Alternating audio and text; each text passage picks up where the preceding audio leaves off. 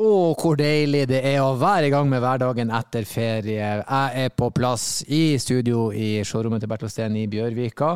Med hvite duker på bordene i dag, Stein. Ja, altså, vi, jo, vi har jo kongelig tilstedeværelse i lokalene nå, så jeg tenker at uh, hvite duker, vi har retta oss i ryggen, uh, ting er litt, uh, er litt, ok, egentlig. Ja, etiketten må være on fleak i dag, fordi vi har faktisk kronprinsen sin Peugeot 205 XS utstilt. Det er litt stas.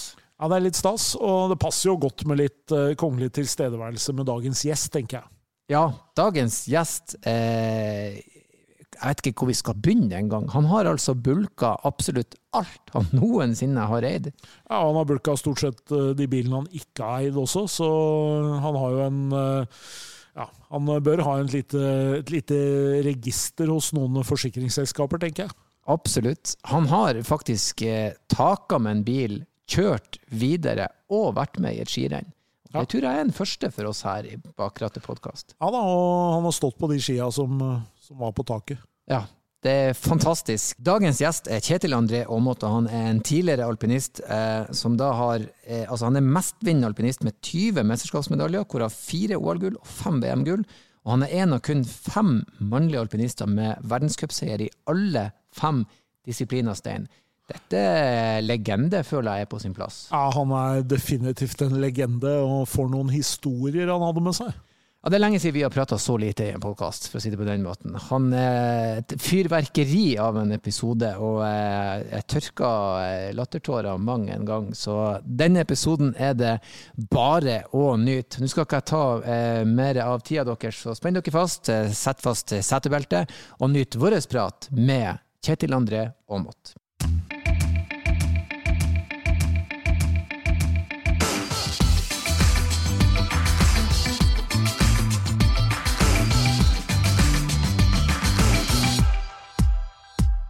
Og der var vi på plass eh, med dagens gjest. Hjertelig velkommen til oss, Kjetil. Tusen takk for det. Ja, Så hyggelig at du kunne ta deg tid til å komme innom. Jo, veldig hyggelig å komme. Jeg tenkte på bilhistorier. Altså, biler er en stor del av livene til alpinister. Du, du, sitter mye mer i en bil uh, enn uh, du står på ski. Vi setter mye i så, vi, da. Eller gjorde det. Men uh, det, er, det, er, mye Når vi har sammenkomster, vi alpingutta, så hvis vi kommer inn på bilhistorier, da blir jo kvelden lang. For vi, vi satt mye i bil, og du blir ganske hissig på å komme deg fra A til B. Så det gikk jo litt vilt for seg til tider. Når jeg visste, hørte at det kom hit, så tenkte jeg i går kveld hvilke bilhistorier For jeg begynner å bli gammel og senil, blir 50 år.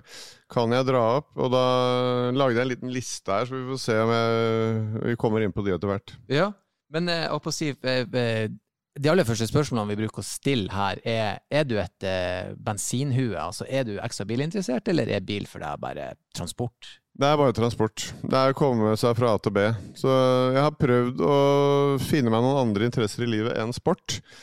Uh, gjort iherdige forsøk på diverse ting. Lest om filosofer, lest om universet, uh, biler uh, Alt mulig. Men det går bare rett ut igjen. Så det eneste som sitter i huet mitt, er sportsresultater. Det blir sittende forever. Ja. Det er, sånn er det bare. Nei, men det er, det er, for så vidt eh, Det er veldig mange som, som vi har hatt som gjester som sier at vi som bil er rent transport, men de har likevel et forhold til bil. Det er det som er litt fine med Jeg pleier å late som det. Vi har jo noen sånn som Hans Petter Burås, olympiamesteren fra 98, Aksel Lund Svindal. Mm de er glad i bil. Aksel Lund Svindal er jo sant, han er jo harry. Han er fra Kjeller. Han elsker jo NM i brekksledd, eller breisledd, eller hva faen det heter for noe. Og han, han, går med skinnvest og singlet, og, og han syns alt med bil og mest mulig farge på bilen er kult. Og husker når Range Roveren kom, så må du må kjøpe den oransje. Det er det, det, er det som er fett. Mm. Uh, så han er mye mer inn på, på de tingene enn det mange av oss andre har vært. da Eh, mm. Men vi har kjørt mye kule biler opp igjen. Vi har sponsa diverse ganger mm. med diverse biler. Og vi har torpedert mange avtaler pga. vi krasjer veldig mye, eller har gjort. Så um, et, etter den første runden av Attacking Vikings, den generasjonen der vi, det, det, var ikke mange Det var dyrt uh, å lease bil som uh, Hvis du bare sa at du kom fra alpinlandslaget, mm. da var prisen og forsikringen skrudd i været. Kan bekrefte der, altså, fordi Opel var jo sponsa alpinlandslaget for en god del år tilbake. Og de folka som jeg begynte å jobbe med i Opel, liksom, de hadde de historiene om de bilene som kom tilbake derfra. Det var stort sett bare å kaste. Ja, det var bare å kaste, og det, og det er helt sjukt. Eh, akkurat den Opel-avtalen var noe av det villeste. Altså, Da var jo vi i begynnelsen av 20-åra, kanskje i tenåra. Og så var det sånn at De som var på i første pulje, de kunne da velge hvilken som helst sportsbil. Uh, og da var det Opel Calibra, var veldig kult på den tida. Så skulle vi kjøre de bilene i seks måneder, og så levere inn og få en ny. Oi. Uh, og hver gang de ble levert inn, så var det jo en eller annen bulk. Uh, blant annet, jeg hadde en Opel Vectra Turbo. Kjørte opp til NM 1995, opp til Bjorli. Kom ved Fåvang, hadde vært tørr asfalt lenge. Og jeg hadde en tendens til å ligge i 120 i 80-sonen. Det var på en måte Kanskje litt eh, over, men det var en eller annen eh, sånn magisk grense der før i tida, før prikkene kom. da. Hvis du trakk fra noen prosent, ikke sant, så var det akkurat så du ikke mista lappen. Men når jeg kom på Fåvang, så var det plutselig is. Mm. Og da fikk jeg en eh, lang sladd og gikk over i motsatt og snurra rundt ut på høyresida. Taka en gang rundt, landa på hjula, og så Og da ringte vi liksom Falken eller var det NAF eller hva det for noe. Da hadde de et hus på andre sida av jordet, kom og dro oss opp på veien igjen. Og kjørte videre. Utrolig nok, altså. Uh, jeg hadde ut, mine lå på taket, de brukte jeg på NM. Men, men, den bilen ble jo da levert inn ikke sant, etterpå, og den kunne du bare kaste, det er helt riktig. Men det som var ekstra flaut, det var at det sto en Opel Calibra Turbo flunk ny og venta på meg. Ikke sant? Altså, det, det, er jo, det, du er så bortskjemt og pinlig at det er helt sjukt. Og Lasse Kjus hadde jo hatt en sånn tre-fire biler, og alle var jo mer eller mindre totalvrak. Siste bilen han skulle levere, da var han litt av en dårlig samvittighet. Og så hadde han lånt den bort til en kompis, og så var det liksom to uker, en uke igjen. da. Så hadde han kompisen da klart å bli påkjørt bakfra.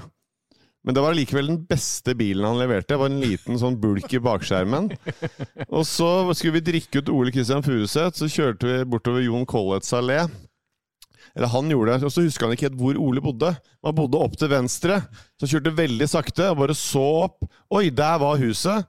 Så svinger han plutselig over, da, uten å bremse, uten å blinke. Og da kom det en budbil i 120 på vei forbi en, ikke sant? Så han dro over så kjørte han av hele forskjermen. Så den måtte han bare putte inni bilen. Så han, vi møtte han på det drikkelaget på kvelden. Han var så deppa. Og skjermen, og det hang ledninger ned foran. Det var liksom den siste bilen han skulle levere til Opel. ikke sant? Vi hadde jo et helt verksted gående bare for alpinlandslaget. Det var helt latterlig.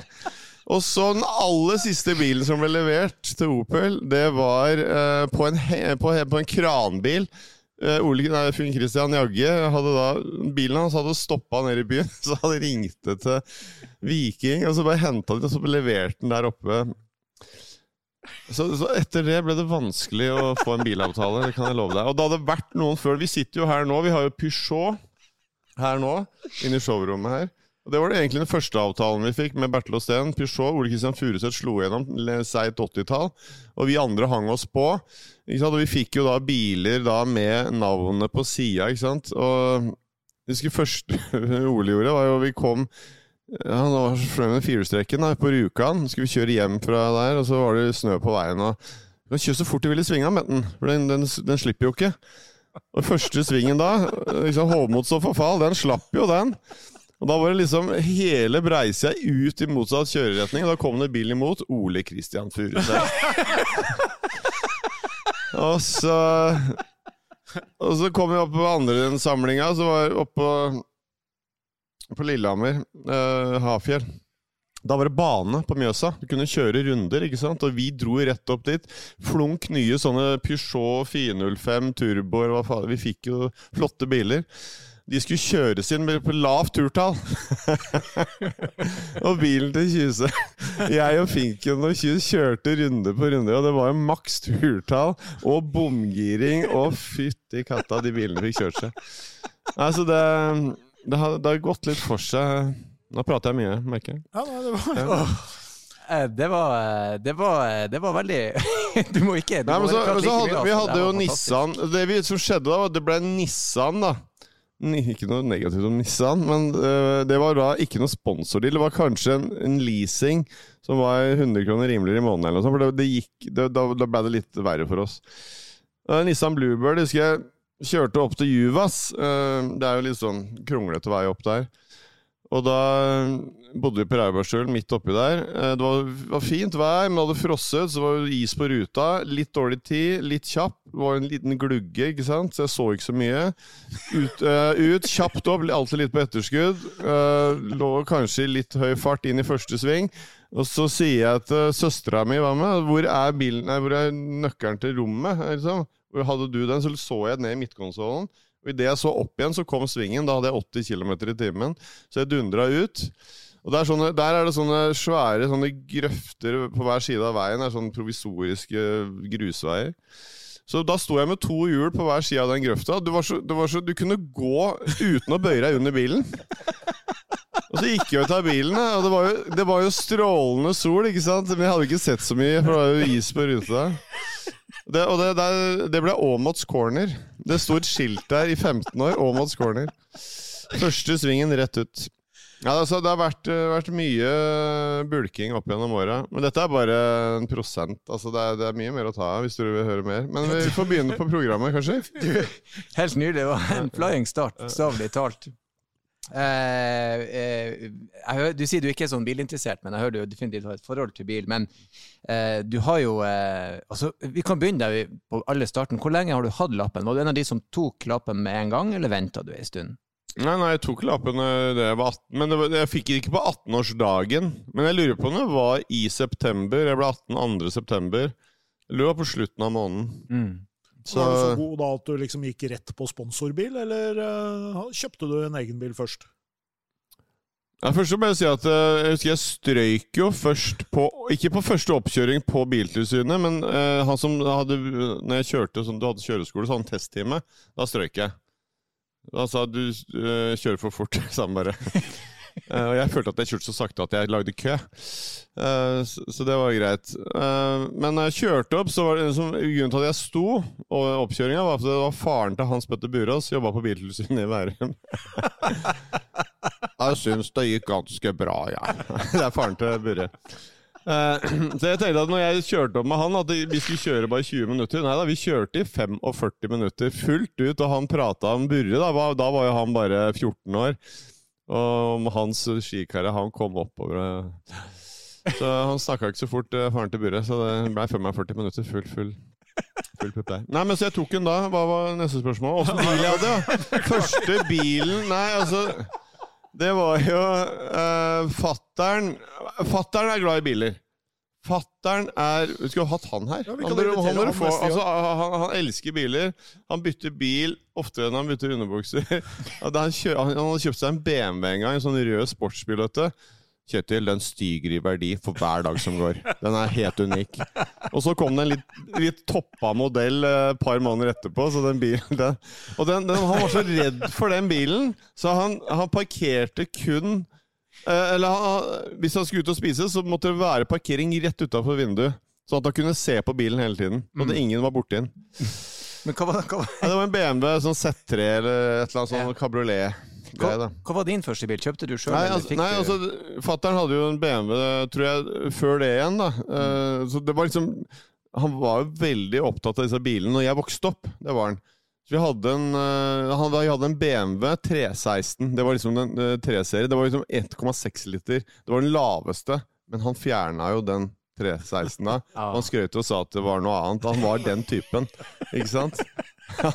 og det var på alt. Var, vi hadde en Opel Corsa, husker jeg. Var veldig opptatt av det speedometeret som vi er når vi er unge. ikke sant? Og den, øh, Jeg tror han viste 40 km for mye, eller noe sånt. Det virka som han gikk i 200 og 1,2 liter. Uh, og så kjøpte han faktisk en Suzuki, en bil nummer to for første gang da vi var 15. Jeg var 15 og søsteren min 18, og hun fikk lappen. Og vet du hva han gjorde med den bilen? Han satt navnet til søsteren min på den ene døra og navnet mitt på den andre døra. Jeg var 15 år. Ja. Jeg kjørte barneskirenn. Altså, hvor flaut er ikke det? Og så ble jeg faktisk Altså, det var, altså det, jeg har vært igjennom mye. Og da eh, var han veldig opptatt av for På våren så bodde vi på Holmlia, så da var det Tryvann, Tryvann var oppe til langt ute i mai. Så han var veldig opptatt av det der med den der Suzuken. Det var en kabriolet. Så at vi skulle kjøre gjennom byen med skia stikkende opp bak. Så vi kjørte da det var april liksom, kjørte vi fra Holmlia gjennom byen med skiene stikkende ut bak i denne Suzuki-jeepen. Altså Det var jo minusgrader, jeg var så kald, men fatter'n var dritfornøyd. Nå kjørte han endelig kabriolet med skia stikkende opp bak, opp dit. Så han, han var så, sånn sett så har jeg blitt indoktrinert med litt sånn at bil er kult, og Mm. kult å ha en litt fet bil. Eh, og det var veldig stas når han bytta bil, som han ofte gjorde. da Uh, Så mye av budsjettet gikk jo med på det. Ja. Den, den Men prøvde jeg har fortsatt ikke kommet fram til min første bil. Nei, nei. Det var det som var spørsmålet. Uh, men jeg husker jo fanken ikke, vet du. Eh, men det var sponsorbiler, da. La oss si det var sponsorbiler, eh, riktig, hele veien. Fram til jeg la opp. Så jeg kjøpte meg ikke en bil eh, fra jeg var 18 til jeg var 34. Mm. Så da jeg var 34 år Og den første kjøpet mitt der var også egentlig en sponsorbil som var Volvo XC90. Eh, Men når den liksom gikk ut etter tre år etter karrieren, så valgte jeg å kjøpe den bilen. Så det var en Volvo XC90. Nei, jeg har faktisk kjøpt en privatbil før det. eh, det Honda CRV. Honda CRV Du har eh, ikke rett, men altså jeg, jeg har glemt det.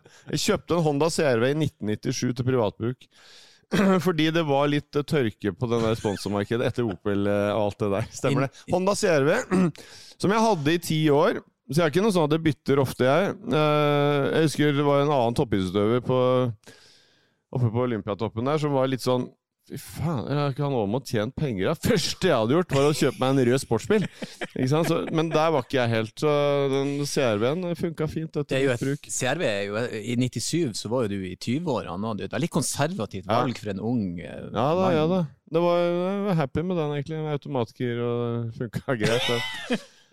Eh, Så hadde jeg ti år, og så var det den Volvoen, egentlig. Etter det. Den hadde jeg så å si ti år. Og så Etter det så Ja, så har vi Vi har en konebil og en, en bil til meg, på en måte, nå. Så det, er- jeg hørte jeg har skjønt at dere skal gjette hvilken bil det er. Ja. Så vi får se litt på det, om dere klarer å gjette riktig. da. Ta den, ta den etter hvert. Um, og på å si, hva er det du Hva er det du bruker bilen din til? Er det ren transport? Ja, jeg er taxisjåfør, da. Jeg har tre unger, så jeg kjører ungene til barnehage, til skole, til treninger. Uh, that's it. Og eventuelt ferie, hvis du skal det, i hvert fall i Norge. da. Mm. Eller til og fra flyplassen. Men du har ikke skia stikkende opp bak når du er ute og kjører? Ikke skia stikkende opp bak, uh, det har jeg ikke, men jeg har skiboksen på året rundt. Ja, det er også et av spørsmålene vi har, de som har skiboksen året rundt. Er, det, er den da tom, eller er det ski? Nei, jeg har ikke hatt Jeg har tatt den av og på tidligere, Mm. men jeg, følte, jeg, jeg tenkte at det er så mye jobb og hassle. Men jeg har egentlig hatt skibokshotell også. Men nå, nå har jeg gitt opp, så nå bare har jeg den på hele tida. Fordi vi er tre barn, så jeg fyller jo skiboksene To biler og begge skiboksene når vi skal på ferie. Mm. Kona mi var i Kroatia og skulle hjem derfra. Hadde vi 18 collie på vei hjem. Da hadde vi bare to unger. Så når jeg dro på helligskiing for å bevise at de 18 colliene er ikke mine, så dro jeg på helligskiing til Canada med gutta aleine med kun håndbagasje. I én uke.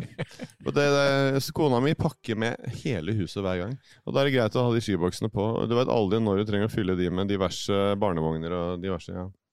Ja da, det, det kan fort bli mye. Jeg har, jo- jeg har jo ei kone som hun ferierer ikke, hun emigrerer. Det er, vi har aldri noe plass. Jeg kunne hatt en semitrailer, og den Ja. ville vært full. Ja, ja, så du kan egentlig, Det er akkurat som med huset, det blir fullt uansett. Så, Vi er, vi er faktisk på ferie denne uka nå i Oslo, har med meg kone og familie, og jeg telte sko i går. Vi hadde med oss 19 par sko, og vi er fire mennesker. Ja. Så det er, og jeg har med meg ett par. Men Da er vi i samme Ja, du har et medpar. Det Men eh, det, det går greit. jeg, jeg har tenkt på faktisk om jeg skal hive alt ut av huset, som er mitt. Mm. Og så bare sier Vet du hva, jeg har ingenting inne i huset lenger. Allikevel så er det 300 par sko her. Hvordan eh, eh, Er du teknisk anlagt? Hvor går grensa for hva du gjør sjøl på bilen din, eller gjør du noe i det hele tatt? Nei, altså, det, jeg gjør ingenting. Jeg eh, kjøper meg fri. Jeg har hotell, sånn dekkhotell. Mm. Jeg, men jeg, jeg fyller jo Jeg kan fylle sjøl. Jeg kan Jeg kan lade sjøl. Jeg kan Ja, så, så det, er, det er der grensa går. Um, men, men, litt sånn uh, frostvæske og spylevæske og olje, ja. Ja, riktig. Mm. Uh, du har jo uh, vært inne på at du kjører litt uh, effektivt, hvis man kan si på den ja. måten. Uh, hvordan er du på road rage? blir du sint og arg i trafikken, eller nei? Og i så fall jeg, jo, altså jeg, Hvis jeg hadde møtt meg selv, så hadde jeg gitt meg sjøl fingeren, ikke sant? Akkurat, så, så, man er liksom Samme som Lasse Kjus. Når han sykler, så river han av speilet på aggressive bilister. Når han kjører bil, så er han forbanna på syklistene. Ikke sant? Så, så, det er en klassiker, det. Men jeg har jo egentlig gått igjennom en liten prosess. Jeg blir jo 50 år i år, så jeg er mye roligere nå i trafikken. Men jeg, spesielt hvis jeg har dårlig tid Og Sist gang jeg husker jeg klikka fullstendig, var at jeg hadde lyst til å få med meg ungen og oppveksten og fotballkamper og hockeykamper og sånn. Så kjørte jeg til Hamar, og så er det, det har vært lenge sånn bygging og ting og tang der.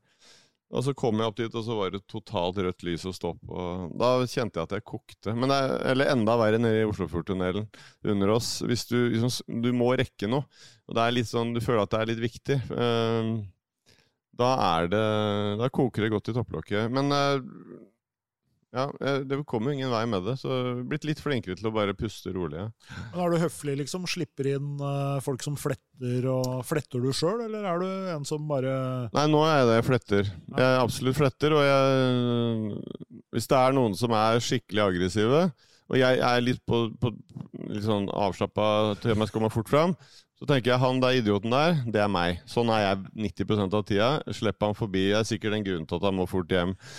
Mest sannsynligvis ikke, men uh, kanskje han har uh, noe sjukt barn eller noe sånt. Men, uh, og fletting er jo riktig, og det, sånn som nå som det har vært i Vålerenga-tunnelen. Så står de og kjører helt fram, ikke mm. sant? Men selv om du gjør det, så har du kjempedårlig samvittighet. Men hvis alle skal drive og legge seg bak da blir det bare mer kø. Så det er jo riktig å flette. Helt korrekt. Ikke sant? Så, så, og det har diskusjon med venner av meg. At uh, de, de, mener at det er, du er jævla idiot hvis du ikke legger deg tidlig inn. Så nei, men du skal kjøre helt fram. Uh, så uh, ja, så jeg gjør det. men det er jo litt sånn tungt å kjøre forbi så mange biler. fordi ja, man føler at man sniker i køen. Men man skal jo det, du har jo helt rett, men folk tror jo at det er et kappløp. Ja. Det er jo ikke det, det er jo effektivitet. Du skal frem, og så skal man flette. Ja. Men, uh... Problemet med flettinga blir liksom feil hvis det bare er noen få som fletter, for ja. da blir det å snike, på en måte. Må... Men det er jo de som står i høyre fila sin skyld, sånn sett. Nei, Jeg har en, jeg har en lei tendens til av og til, i hvert fall tidligere, når jeg har dårlig tid, og så kjøre da hvis det er et lyskryss, så er det inn til venstre, men jeg skal rett fram, så ligger jeg der det er ledig, og så timer jeg så akkurat grønt lys, og gir jeg bånn gass. Og da ved Smestad så når jeg da fikk rødt på neste, så var det en sånn der ukesjåfør bak meg med lastebil som stoppa bilen, gikk ut av bilen og fram og skjelte meg ut, da, ikke sant? Uh, og det er klart Ja, jeg, var, er idiot, jeg er idiot. Jeg legger meg helt flat da. Jeg beklager, jeg tulta meg. Jeg har ikke skada noen, men uh, og, og, jeg kan av og til bli kjempeirritert på andre, men så tenker jeg jeg er idiot sjøl også, så vær så god, uh, vær idiot. Altså, jeg tror vi må vise hensyn. Altså, det er jo det viktigste i trafikken. At man på en måte er raus. Uh, hvis man ikke er det, så blir det krasj og slåsskamper. Og, må bare bite det i seg. Men det tar litt tid. Jeg er 50 år nå, jeg klarer det av og til. ja, for, jo, for da mister du på en måte det der at du også du vil jo også antageligvis bli gjenkjent da, i tillegg. Det er ikke bare at det er én, det er ikke bare én sinna bilist, det er faktisk Kjetil André Aamodt som er mm. sinna i bilen ved siden av meg. Du glemmer deg helt altså jeg, Samme som på idrettsbanen, så er jeg helt tulling siste fem minuttene hvis det er uavgjort. Altså, og da glemmer jeg helt at uh, jeg har vært en profilert uh, idrettsutøver.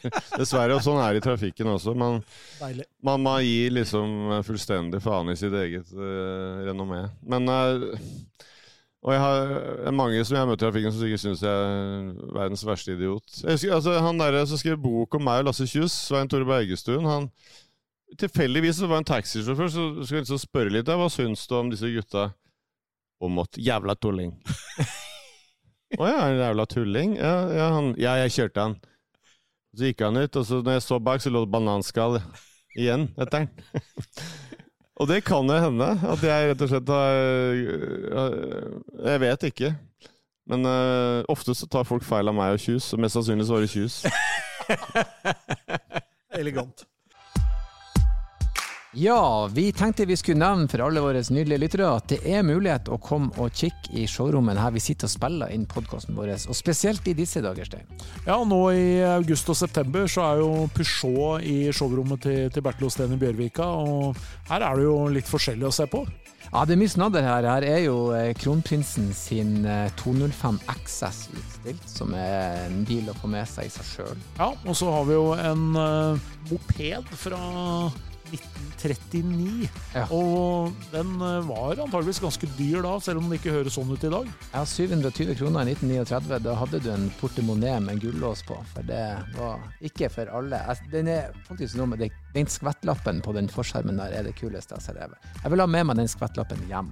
Og så er jo i tillegg eh, Peugeot 2008 her, terningkast 6 i VG, og vi har eh, årets bil Peugeot 208. Og ikke minst eh, en ordentlig godbit for de som er glad i litt sport. Ja da, vi har en Peugeot 508 PC, Peugeot Sport Engineered. Og det er jo en av de råeste hybridene som eh, ruller på veien om dagen.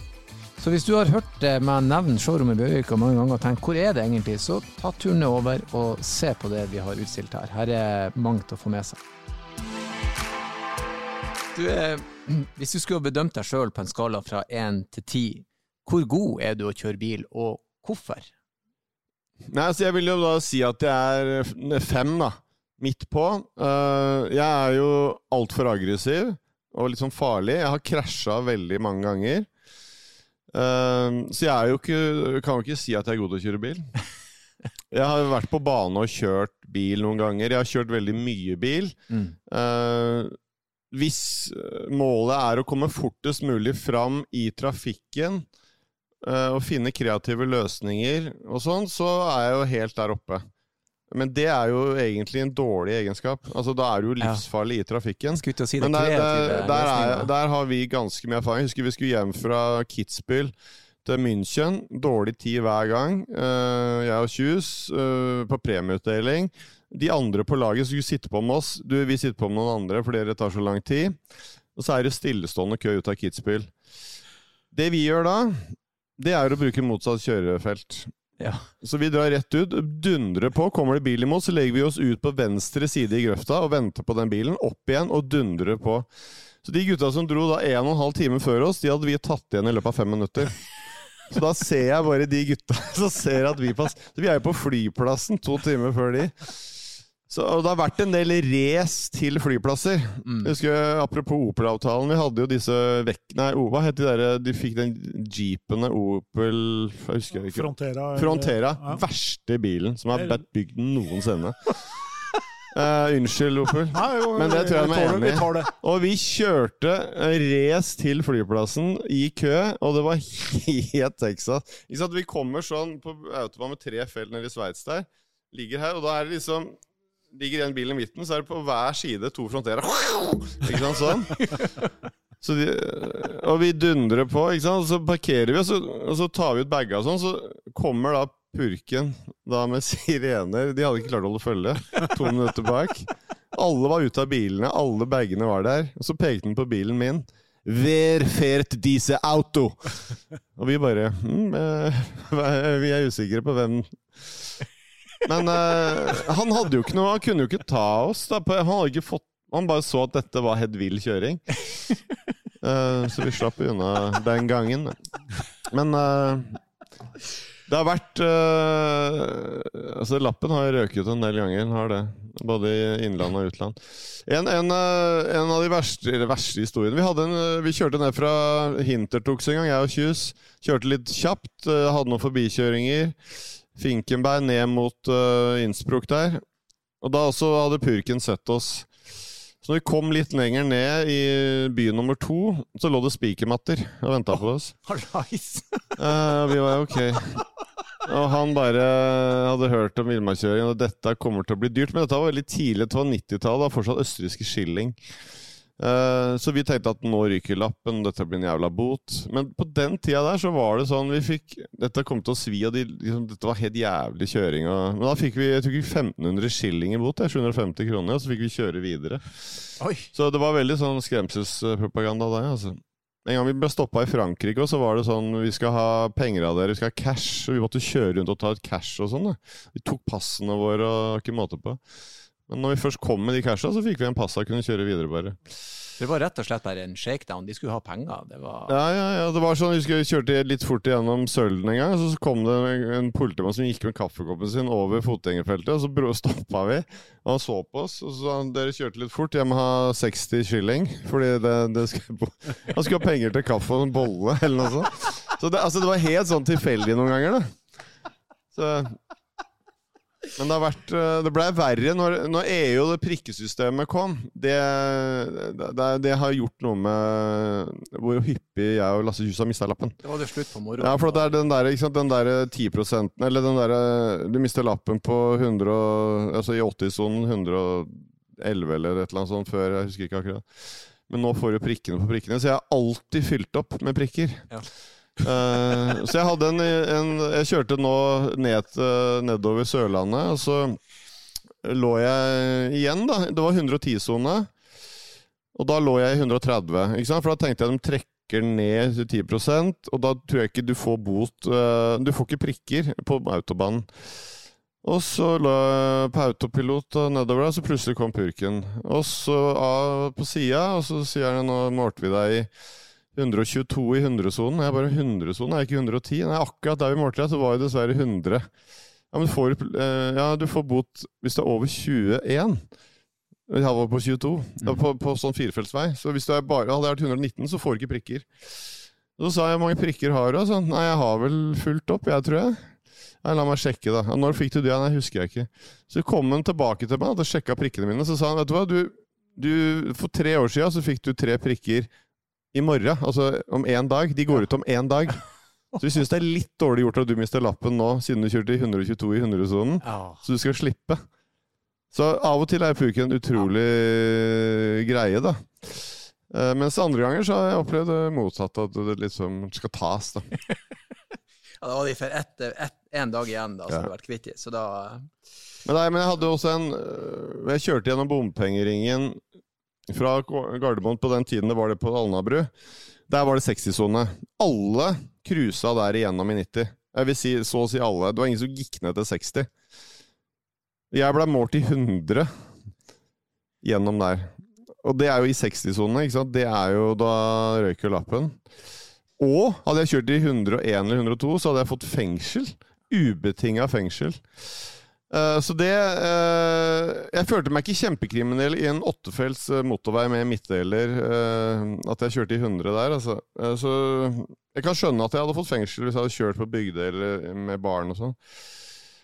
Eh, så det, den var eh, Da måtte jeg møte i retten og hele pakka. Shit. Så Men den farta, er det beslekta til uh, levebrødet ditt? Har du alltid Nei, men vært altså, glad i fart? jeg vil jo altså, det, er jo det er jo idioti, og jeg har blitt mye flinkere til å holde fartsgrensa. Uh, så det, det er jo helt tullete. Mm. Men det, det hadde vel noe med at vi kjørte så mye bil. Mm. At vi Du kjører fra Valisær til Val Gardena, for eksempel, og så det tar jo 10-12 timer. Da. Så vil du jo prøve å komme deg fram, Det må jo ha vært en del nydelig landskap å kjøre i òg, da. Altså, du har vært i hele Europa og kjørt bil. ja. små, altså fjellveier. Nok har sett nok av fjell. Altså, jeg har ikke noe behov for å cruise rundt og se på fjell. Altså. Så det blir ikke det du gjør med det første, sånn bilferie? Nei, nei, nei, nei. Jeg har blitt invitert på noen sånne folk som har sånne sportsbiler som kjører på moro. kjører for moro fra liksom München ned via bort til Saint-Tropez. Å, herregud. Altså.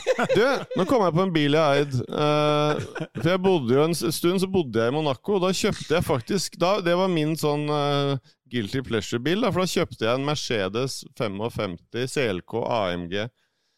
Så den kjørte jeg ofte fra Monaco til Alpene. Så jeg kjørte ofte den veien da, via Genova, Milan og opp. da. Fine veier. Og der var fine veier, og det, det var jo de der spesielt Apropos, det er jo litt gøy. De ned mot eh, Er det ikke Genova der, da? Hvis du velger den litt rundt der. Det er som å kjøre Formel 1, altså ned der i tunnelen og sånn. Mm. Og der mista jeg også lappen. Mista Monaco-lappen min der. Er det da? Men bare Monaco-lappen. Ja. Så du kunne bare ikke kjøre i Monaco. ja, nei, men jeg husker jeg drev og tenkte på hva kan jeg gjøre for å være kreativ og sånn. Den Mercedesen er en veldig gøy bil å kjøre, vil jeg gå ut ifra.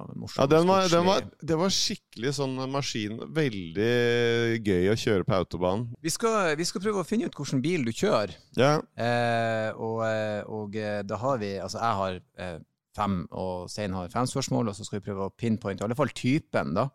Jeg vet ikke om du følger for å begynne i dag, Stein, eller om du Jeg tenker sånn, Hvilken egenskap setter du mest pris på med den bilen du har i dag? Nei, men altså, har, vi har familien har to biler. Ja, Skal du prøve å gjette på begge, da? ja Vi kan kan kanskje gjøre det. Vi Ja. kan gjøre et forsøk. For jeg, jeg setter jo pris på begge bilene uh, vi har. Uh, hver til sitt bruk, kan du si, egentlig. Uh, men jeg, jeg liker jo jeg, altså, Hvis jeg skal si hva jeg liker med den ene bilen, det er, det er jo jeg, jeg er glad i rask akselerasjon. Men jeg er også glad i det lang, når det er, at det er litt sånn eh, premium, når det er litt langkjøring, og den der komforten, uh, duvende effekten. Uh, så nå, nå snakker jeg litt om begge biler her. mm. Uh, og så er det jo familiemann, da. Så det, at det er litt plass i bilene, er også verdt et kriterium. Mm. Hva er drivlinja på bilene? Det, Hva sa du? hva er det som er drivlinja? Er det strøm, eller er det bensin? Ja, vi har en av hver. Vi har én av hver. Ja, så, Så vi har én av hver, så det er diesel og, og batteri. En diesel og en batteri. Ja. Begge er da ganske store. altså Begge kan Ja, begge, begge familiebiler. er store. Den ene er sjuseter. En er sjuseter. Ja. Den ene er elektrisk. Er det sjuseteren eller elektrisk? Se, og den er, du har nevnt premium her, skal vi se. Hvordan sitter du i eh, bilene? Er du sånn høyt og oversiktlig, eller lavt og sportslig? Akkurat midt på, egentlig. Eh, Ikke sportslig, ikke lavt, eh, ikke for høyt. Eh, Det kan, men det kan være litt som hvis eh, kona mi har kjørt og hun har justert, så bare setter jeg meg inn og sitter sånn som jeg sitter. Det er ikke så, men jeg merker at det er noe gærent men, det, men du venner deg til en hvilken som helst sitteposisjon, egentlig. Og av og til, så hvis det er folk med lange bein bak, så justerer jeg framover, eller ja. Så det er litt sånn ymse. Men jeg vil si sittestillingen er veldig gjennomsnittlig. Mm. Altså, var det sånn Valgte du på en måte akkurat den Var du på jakt etter akkurat de egenskapene da, som den bilen hadde? Ja, den ene tilfellig? bilen, konebilen, var jeg på vei Da var litt sånn egenskapene. Den andre bilen var litt sånn impuls. En bil som jeg liksom tenkte jeg skulle aldri ha, egentlig. Men har blitt veldig positivt overraska og syns det er helt, helt nydelig på mange måter. Masse fordeler. Skal vi, gå, skal vi prøve å pinpointe den ene bilen eh, først, kanskje? Skal vi ta bilen til Kjetil eh, først? Ja, vi har jo en, en premium elektrisk eh, bil Med sju seter. med sju seter, så da er det jo ikke så veldig mange å velge imellom. Nei, den er nok amerikansk, tipper jeg. Ja, den er jo det. Den er det. Ja, da er vi jo på en Tesla X, kanskje. Nei, Hadde ikke han ta, har du takboks på den, eller? Takboks. Ja, Ja, da er det takboks. ikke, Ja. da, da er det ikke S, en, da, antagelig. ja, en Mm, S. Det er riktig. S. Ja. Da har vi tatt den. den andre... Jeg har ikke tatt den helt. Var hvilket batteri Ja, det er sikkert en 100 P eller noe sånt. Nei, altså, jeg, jeg har jo hatt to. Ja, ja. Så jeg, og det er jo én grunn til at jeg bytta, for jeg var tidlig ute. Det er bare én grunn til at jeg bytta til en ny en. Hva tror du det var? var Riktig, riktig. Så jeg bytta pga. det. Men jeg hadde da en sånn PAD5 pluss først. Men da, på nummer to, så har jeg bare 75. Den andre er en diesel, også premium. Ja. Eh, ikke syv seter. Så der må vi kanskje stille eh, litt Hvis det er en premium, så er det jo flere å velge mellom. Vi har, eh, det kan være en tysker, det kan være en eh, si, skandinav slash kineser. Han har jo en, han har jo en mørk Volvo-fortid, det har vi fått avdekket. Så det Kanskje en Volvo. Ja, hva vil du gjøre etter å ha kjørt Volvo i ti år? kan kjøre noe annet. Riktig. Ja. Takk for hintet. Det teller ikke okay. som et spørsmål. men det er en SUV. Hva? Men det er en SUV. Ja. Tysk. Ja. Premium, så da snakker vi De var jo borte i Audi ganske lenge, disse alpinistene også. Jeg er veldig glad i Audi i utgangspunktet. Det er helt riktig.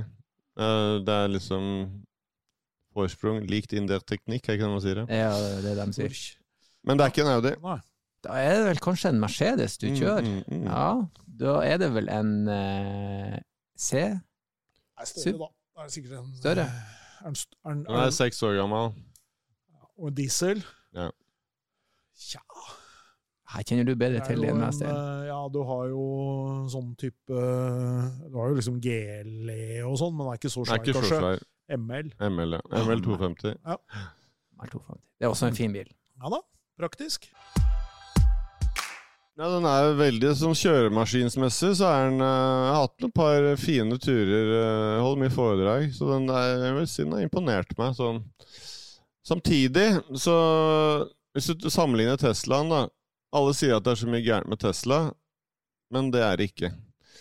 Den er, det er jo aldri noe gærent med den. Altså, det er jo ingen, det er en elektrisk bil. Det er, det er ingenting som må gjøres. Det er så billig.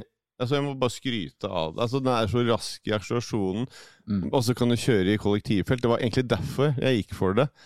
Ja. Ikke sant? Men jeg veit ikke om det er, er de endra de reglene nå. Men du kan kjøre litt fortsatt. Ja, du kan være litt Jeg later som jeg fortsatt dagen kan gjøre det. er. i hvert fall. Ja. Men altså, Det er jo magisk i seg sjøl. Og, og det der med å ta folk i starten og komme seg fram, det er jo helt magisk. Så, så jeg må si jeg er utrolig fornøyd med Tesla, gitt. Um, men Merca uh, Men den koster er, Den er lagd i USA, den er ML-en. Uh, det merkes på, på, på ting som må repareres. Men jeg, jeg er enig med deg, L er fantastisk. Jeg kjører L sjøl, og jeg syns bare komforten og akselerasjon, stillheten ikke Ja, minst, Ja. så L er nok definitivt noe Ja. som blir Det er veldig fin å kjøre altså, Ja, jeg er enig. Altså, kjørekomforten er fin. Mm. En fin kombinasjon, da. Da har man eh, muligheten til å være litt Ja. uavhengig av lading hvis det Riktig. Og det, det er derfor kona mi sa vi vil ikke ha to elbiler, for jeg stoler ikke på Elon Musk. ikke sant? Jeg elsker jo den der nye den køen på NRK nå med han eh, Hva heter han for noe? Han Gimle. Skuespilleren. Elon Musk er et geni! Denne bilen kan alt! Da kan jeg få lade. Nei! Vi, eh, vi, har jo, eh, vi har jo fått et, et vell av, bilhistorie bilhistorier også, det er jo helt fantastisk. eh, Men før vi nå skal gå mot slutten, så lurer vi på om du har et, et bilproblem, ei utfordring eller et dilemma, eller om det er noe du lurer på vi kan hjelpe deg med. Han, Stein innehar jo en enorm ekspertise innenfor bilverdenen, sånn at ser Ja, det- kan jeg kan fortelle litt, noen par bilhistorier først, da, hvis du Ja, har flere av de. Fordi jeg er jo utrolig distré type. Uh, Jeg har jo da krasja aller mest på min egen gårdsplass. Når jeg kjøpte den Teslaen og Mercedesen ganske likt i 2015 Det første jeg gjorde, det var å rygge Teslaen inn i Mercedesen. Jeg vet ikke åssen jeg klarte det, men jeg gjorde det. Helt magisk. Og jeg, alle naboer jeg har hatt, vi har, vi har rygga inn i bilene til alle naboene våre på gårdsplassen. Om det er meg eller Stine, kona mi, eller svigermora mi har gjort det en gang. Men jeg bodde oppe i Holmenkollen på 90-tallet sammen med fattern i generasjonsbolig. Og fattern er litt mer sånn ta vare på bil, han er glad i bil, ikke sant. Og så skulle jeg i bryllup med søsteren min, og vanligvis så hadde jeg parkert altså Vanligvis så automatisk rygge, og så ut.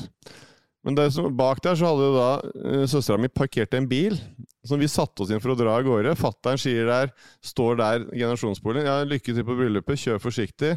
Ja, ja, ja. Jeg rygger i 100 bang! Rett i bilen til søsteren min. Og fattern er jo bare altså det er, Og jeg bare Vi har ikke tid til å se på den skalaen, vi må bare kjøre. Og Et par uker etterpå så klarte jeg faktisk å rygge ja, en carport der også. Så da hadde jeg døra oppe på en sånn der eh, Chrysler jeg hadde den gang. En van. Rygga meg døra oppe rett i den. Nei, Så det har vært en del sånne type idiotskader. Og, og den første Teslaen jeg hadde, eller var den andre, den har jeg da tatt fronten på to ganger. Eh, en gang rett utkjørsel eh, rett der jeg bor, og uh, en annen gang uh, Jeg husker ikke engang ennå. nå. Men det var liksom veldig kort intervall. Jeg hadde akkurat reparert hele fronten. Så Mm. klarte jeg å lage trekkspill etter to uker igjen.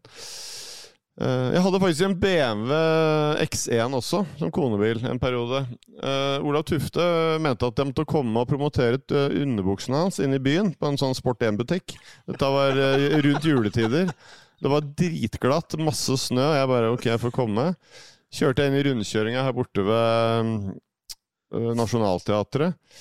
Og kommer litt, for, litt fort inn der, og så kommer en trekkspillbuss. Jeg tar inn bremsen, det skjer ingenting. Jeg sklir, og den bussen er så lang. Den kommer aldri ut av den der jævla rundkjøringa, så jeg treffer jo den bussen på bakenden. Og lager trekkspill av den BMW-en også. Å, herregud. Og når jeg kom til den sportsbutikken jeg sa, altså Det å promotere ting, selv om det heter Olav Tufte i Oslo, det kommer ingen. Altså Det er ingen i de butikkene. Altså Jeg, jeg har promotert bok sammen med Lars Saabye Christensen. Det er ikke en kjeft i butikken! Altså, Det var ikke en kjeft i den butikken heller, men det kosta meg ganske mye å promotere de underbuksene til Tufte. Hvordan, hva slags forhold har du til forsikringsselskapet? Jeg skulle til å spørre. Det har lønt seg å være forsikra, kan jeg love deg. For min del. Det er, det, er ikke, det er ikke noe særlig å forsikre meg. Altså, dette, jeg husker jo ikke halvparten. Det er mye mer enn dette her. sikkert. Jeg, jeg. Åh, steike ta. Ja, for det er jo noen sånne Jeg tenker sånn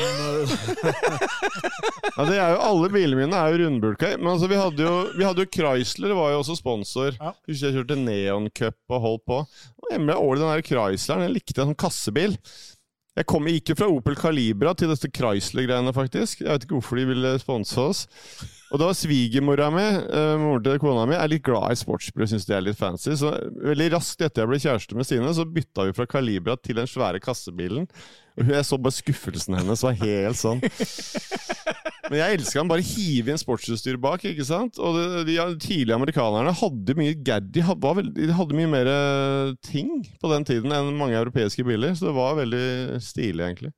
Mm. Men uh, jeg spøkte ofte med henne at vi kunne byttelåne bil og sånn. For jeg trenger litt lett bil. Det er en kassebil der! Herregud! ja ja, men du, du får enda forsikre. Det er ikke sånn at de legger på når du ringer, du har et forhold til dem. Ja, men Det mister vel noen bonuser og sånn, vil jeg tro. Men jeg har jo ofte tatt uh, Av og til har jeg tatt skaden. Skal, nesten alle skader koster jo 25 000-30 000 uansett. Så jeg kjører egentlig med altså den Teslaen Begge bilene jeg har nå, er rundbulka. Mm. Er, jeg, sist vinter så kjørte jeg et autovern med Mersa. Skikkelig fart. Uh, og, og tenkte nå kan jeg kjøre videre. Det kunne jeg. Jeg kjørte bare videre, det var så jævla kaldt ute midt på natta. Og det, bilen ser helt det. Skal det var ganske hardt sammenstøt, men Med risikovurdering i uh, yrkeskarriere kontra bilkjøring ja, nei, nei, er altså, litt fascinerende. Du var ikke så mye skada, egentlig?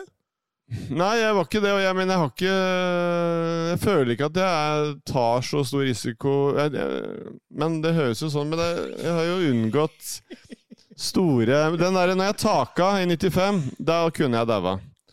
Så den var stygg, altså. Den var stygg. Men ellers så er det litt sånn uskyldig. Det, det, her var en sånn, det var arbeid på veien, sånn sjikane.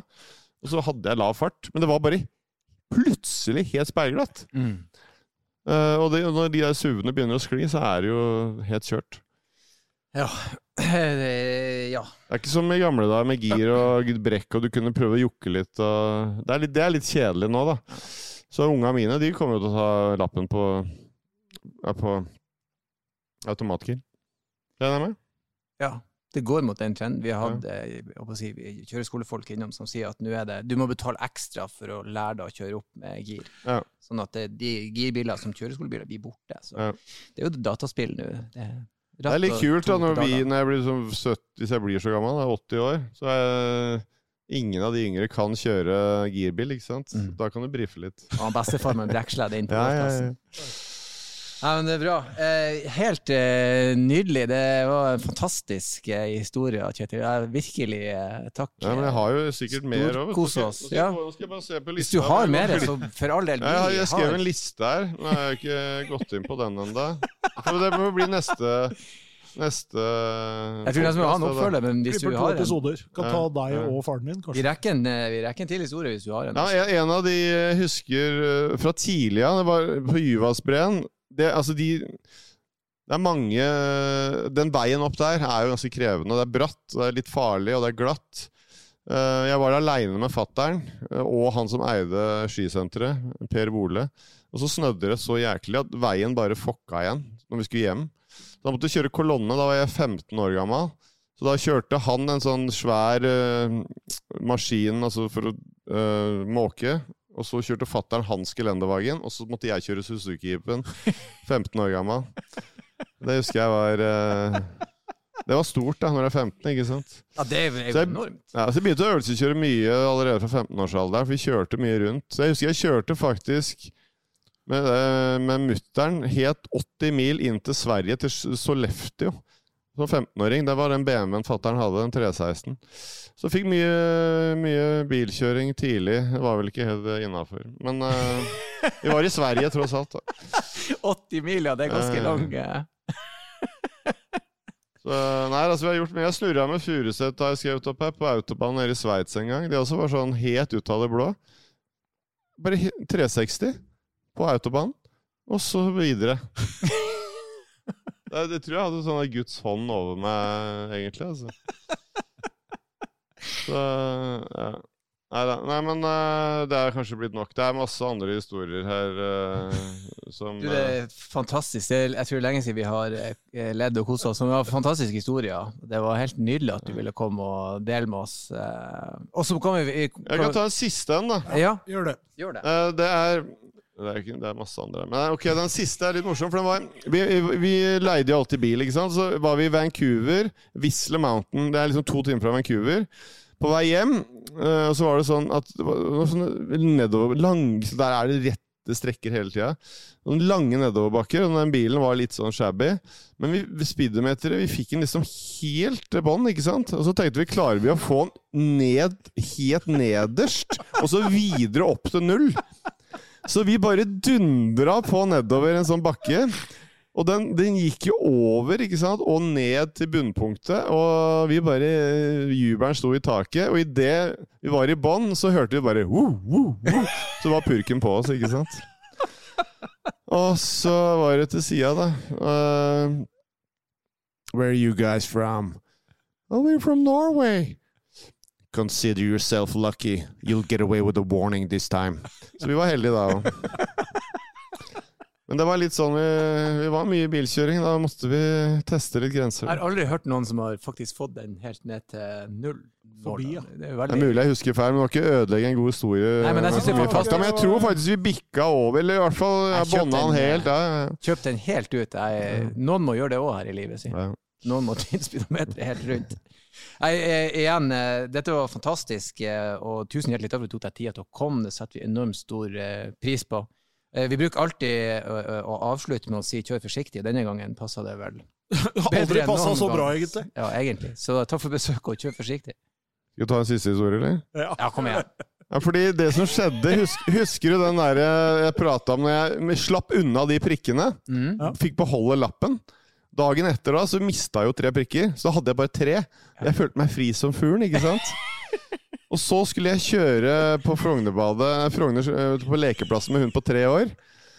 Og så hadde jeg ikke festa henne med belte. Oi. Og så begynte hun å kravle rundt baki der, og så tror du ikke purken var der, du. Fikk jeg tre nye prikker. Så nå er jeg full, så er jeg full igjen. Så må jeg, jeg må bare, det er egentlig bra, det, for da kjører jeg litt roligere. Takk for meg. Takk for besøket, Mari.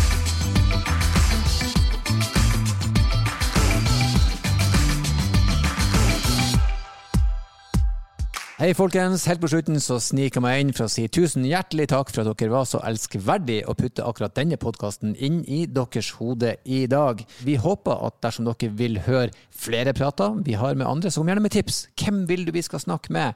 Hvem vil du vi skal snakke om? Og ikke minst, hvis du har spørsmål som vi kan bruke, eller vil vi skal løse for deg, så send det til bakrattet.bos.no. Det var bakrattet at bos.no. Tusen hjertelig takk, og som alltid, kjør forsiktig.